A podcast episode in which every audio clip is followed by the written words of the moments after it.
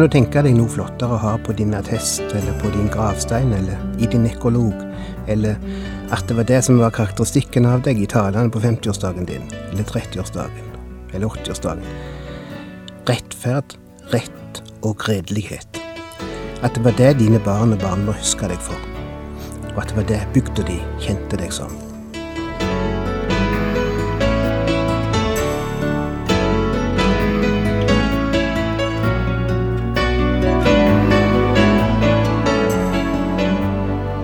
Hjertelig velkommen til et nytt program i serien Vindu mot livet. Vindu mot livet er basert på programserien Insight for Living ved Chuck Svindal. Programmet er produsert av Kristen Riksradio og blir ledet av Ola Joland.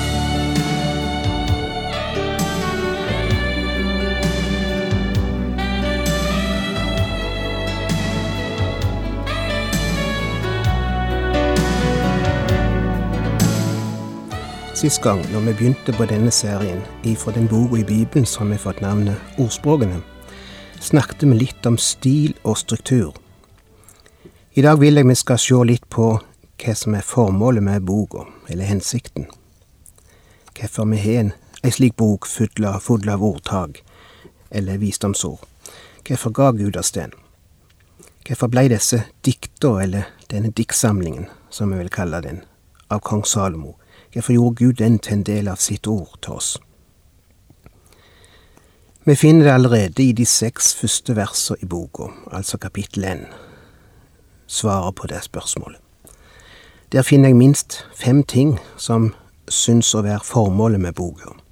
Fem ting som vi skal lære av de mange hundre ordtak som står i den. Først vers to.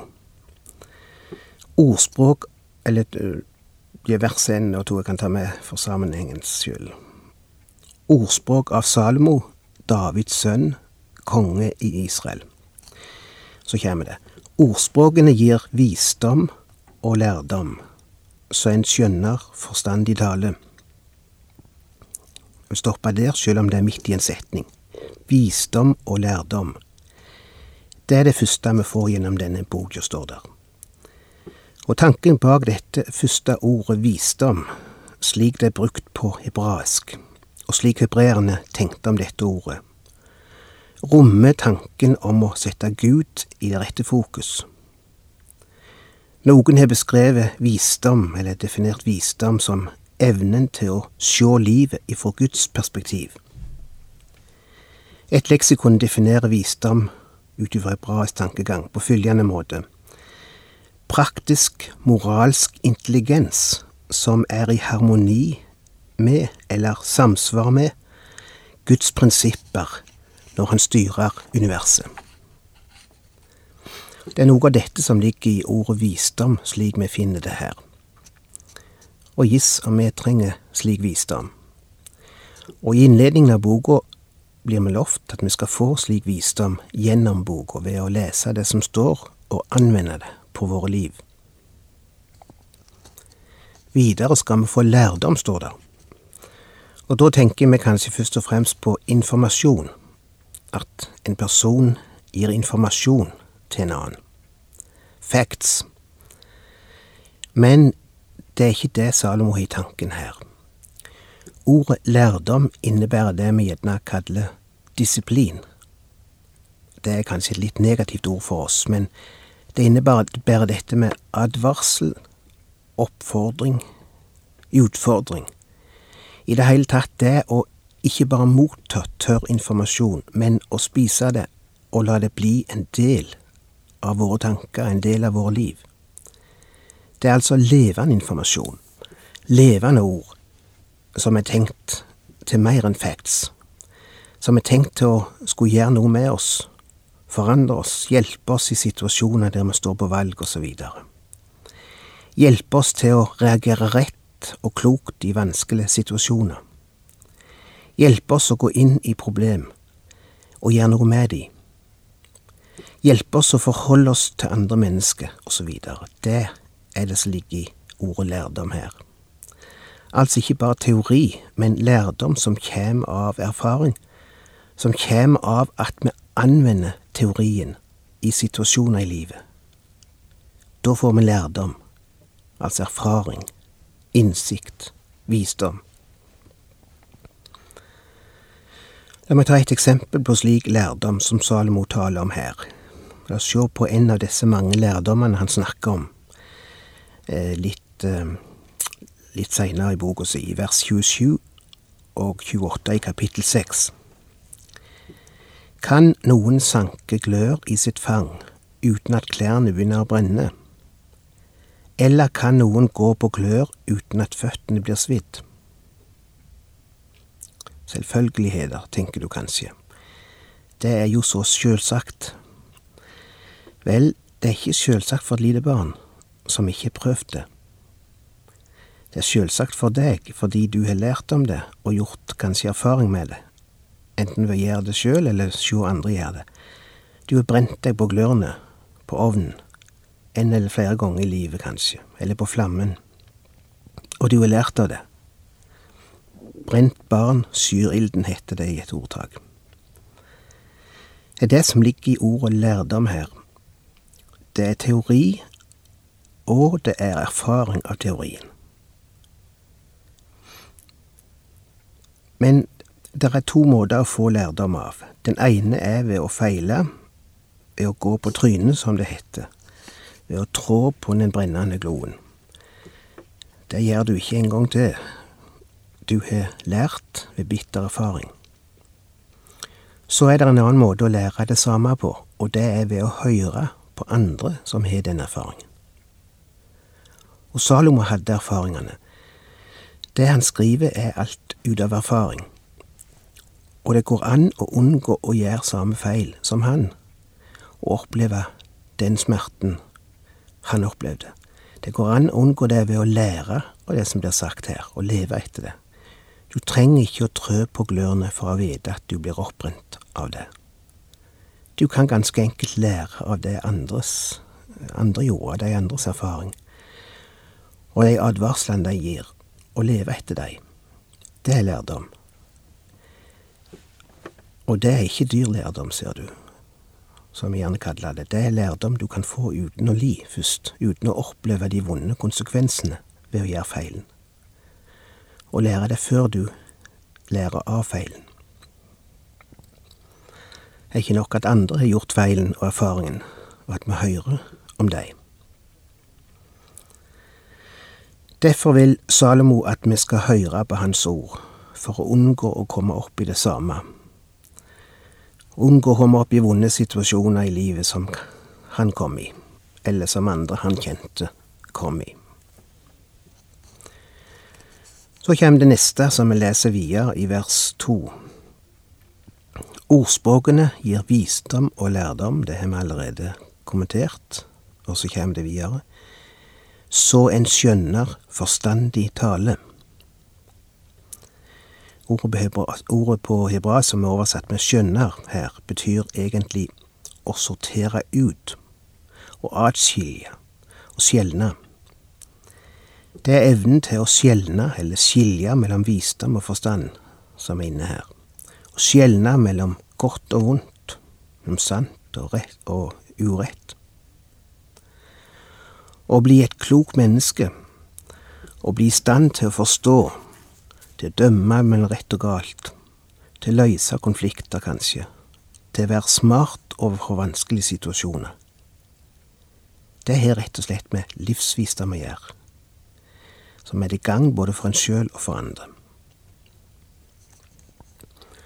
La oss slå opp eh, et eksempel i første kongebok kapittel tre. Der finner vi en interessant historie, og det handler nettopp om Salomo, som har skrevet disse ordene som vi holder på med nå. Gud utpeker Salomo til å bli en, den neste konge i Israel, etter sin far David. Og som en slags innsettelsespresang tilbyr Gud han en gave. Hva som helst han ber om som innvielsesgave skal han få. Altså jeg ser for vers fem der. I Gibon viste Herren seg for Salomo i en drøm om natten. Han sa, Si hva du vil, og jeg skal gi deg. Og så fra vers 7 Det er Salmo som svarer på Guds tilbud der, og hør hva han ber om. Hva ville du bedt om hvis du fikk oppfylt et ønske, hvis Gud sa at du kunne komme med et ønske, og du skulle få det oppfylt? Hva ville du ønske deg? Hør hva Salmo velger. Nå har du, Herre min Gud, gjort meg, din tjener, til konge etter min far David. Men jeg, jo, men jeg er jo bare en ung gutt og vet ikke hvordan jeg skal bære meg ad som fører.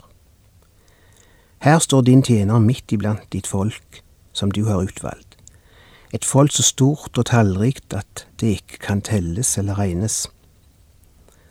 Så gi da din tjener et lydtørt hjerte, så jeg kan styre ditt folk og skille mellom godt og ondt. For hvem kan melde styre dette folket, så stor som det er? Herren syntes godt om Salomos bønn, og Gud sa til ham, Siden du ba om dette og ikke om et langt liv eller rikdom, eller at dine fiender skulle dø, men ba om forstand til å skjønne hva som er rett, så vil jeg gjøre det du har bedt om.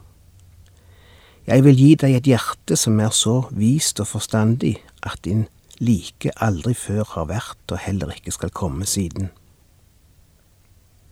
Hør på det. Og da forstår vi kanskje bedre hvorfor Salomos visdomsord er blitt samla i ei egen bok, den vi holder på med nå, og at de har vært aktuelle gjennom årtusener, like til i dag. At det ikke er utgitt noen enkeltbok som overgår, eller kan måle seg med denne boka, gjennom hele historien, når det gjelder å formidle visdom i korte setninger og ord. Og på toppen av alt får Salomo det han ikke ba om. Men jeg vil også gi deg det du ikke ba om, sier Gud, både rikdom og ære. Så lenge du lever, skal det ikke finnes din like blant kongene. Jeg vet ikke hva jeg i min kortsiktighet ville bedt om hvis jeg fikk et slikt tilbud for Gud. Antagelig ville jeg bedt om noen millioner. Ja, jeg tror faktisk jeg ville det kanskje noen milliarder hvis jeg kunne fått så mye jeg ville. Og jeg tror ikke det ville løst så mange problemer i livet mitt. Jeg tror ikke det. Og jeg tror ikke jeg ville blitt lykkeligere. Men likevel så er jeg redd for jeg hadde bedt om det. Det sier alle som har opplevd det. Pengene gjorde de ikke lykkelige. Og det løste ikke problemer i livet deres. Det skapte heller nye problemer. Og likevel er jeg så dum at jeg antagelig ville bedt om noen millioner. Det kunne Salomo også bedt om. Eller han kunne bedt om seier over sine fiender.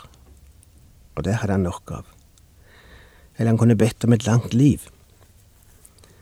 Men det var noe som var viktigere enn alt dette for Salomo, og det viser egentlig hvor vis og klok han allerede var før Gud velsigna han med enda større visdom. Han ba om det som han skriver om her i andre vers i boka si, i ordtakene.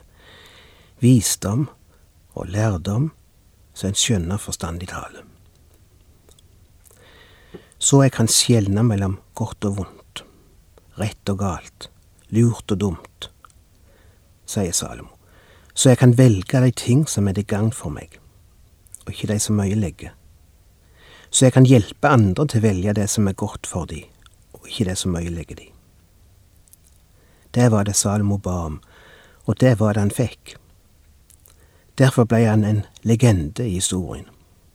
Det viseste mennesket som har levd, og som fremdeles lever, gjennom de ordtak han har skrevet ned, og blir studert og granska og sitert like til i dag som en vismann uten like i historien.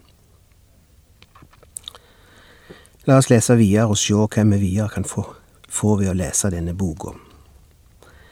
Vi er i vers to, begynner der, det som allerede er lest. Ordspråken gir visdom og lærdom, så en skjønner forstandig tale. Så kommer det videre, i vers tre.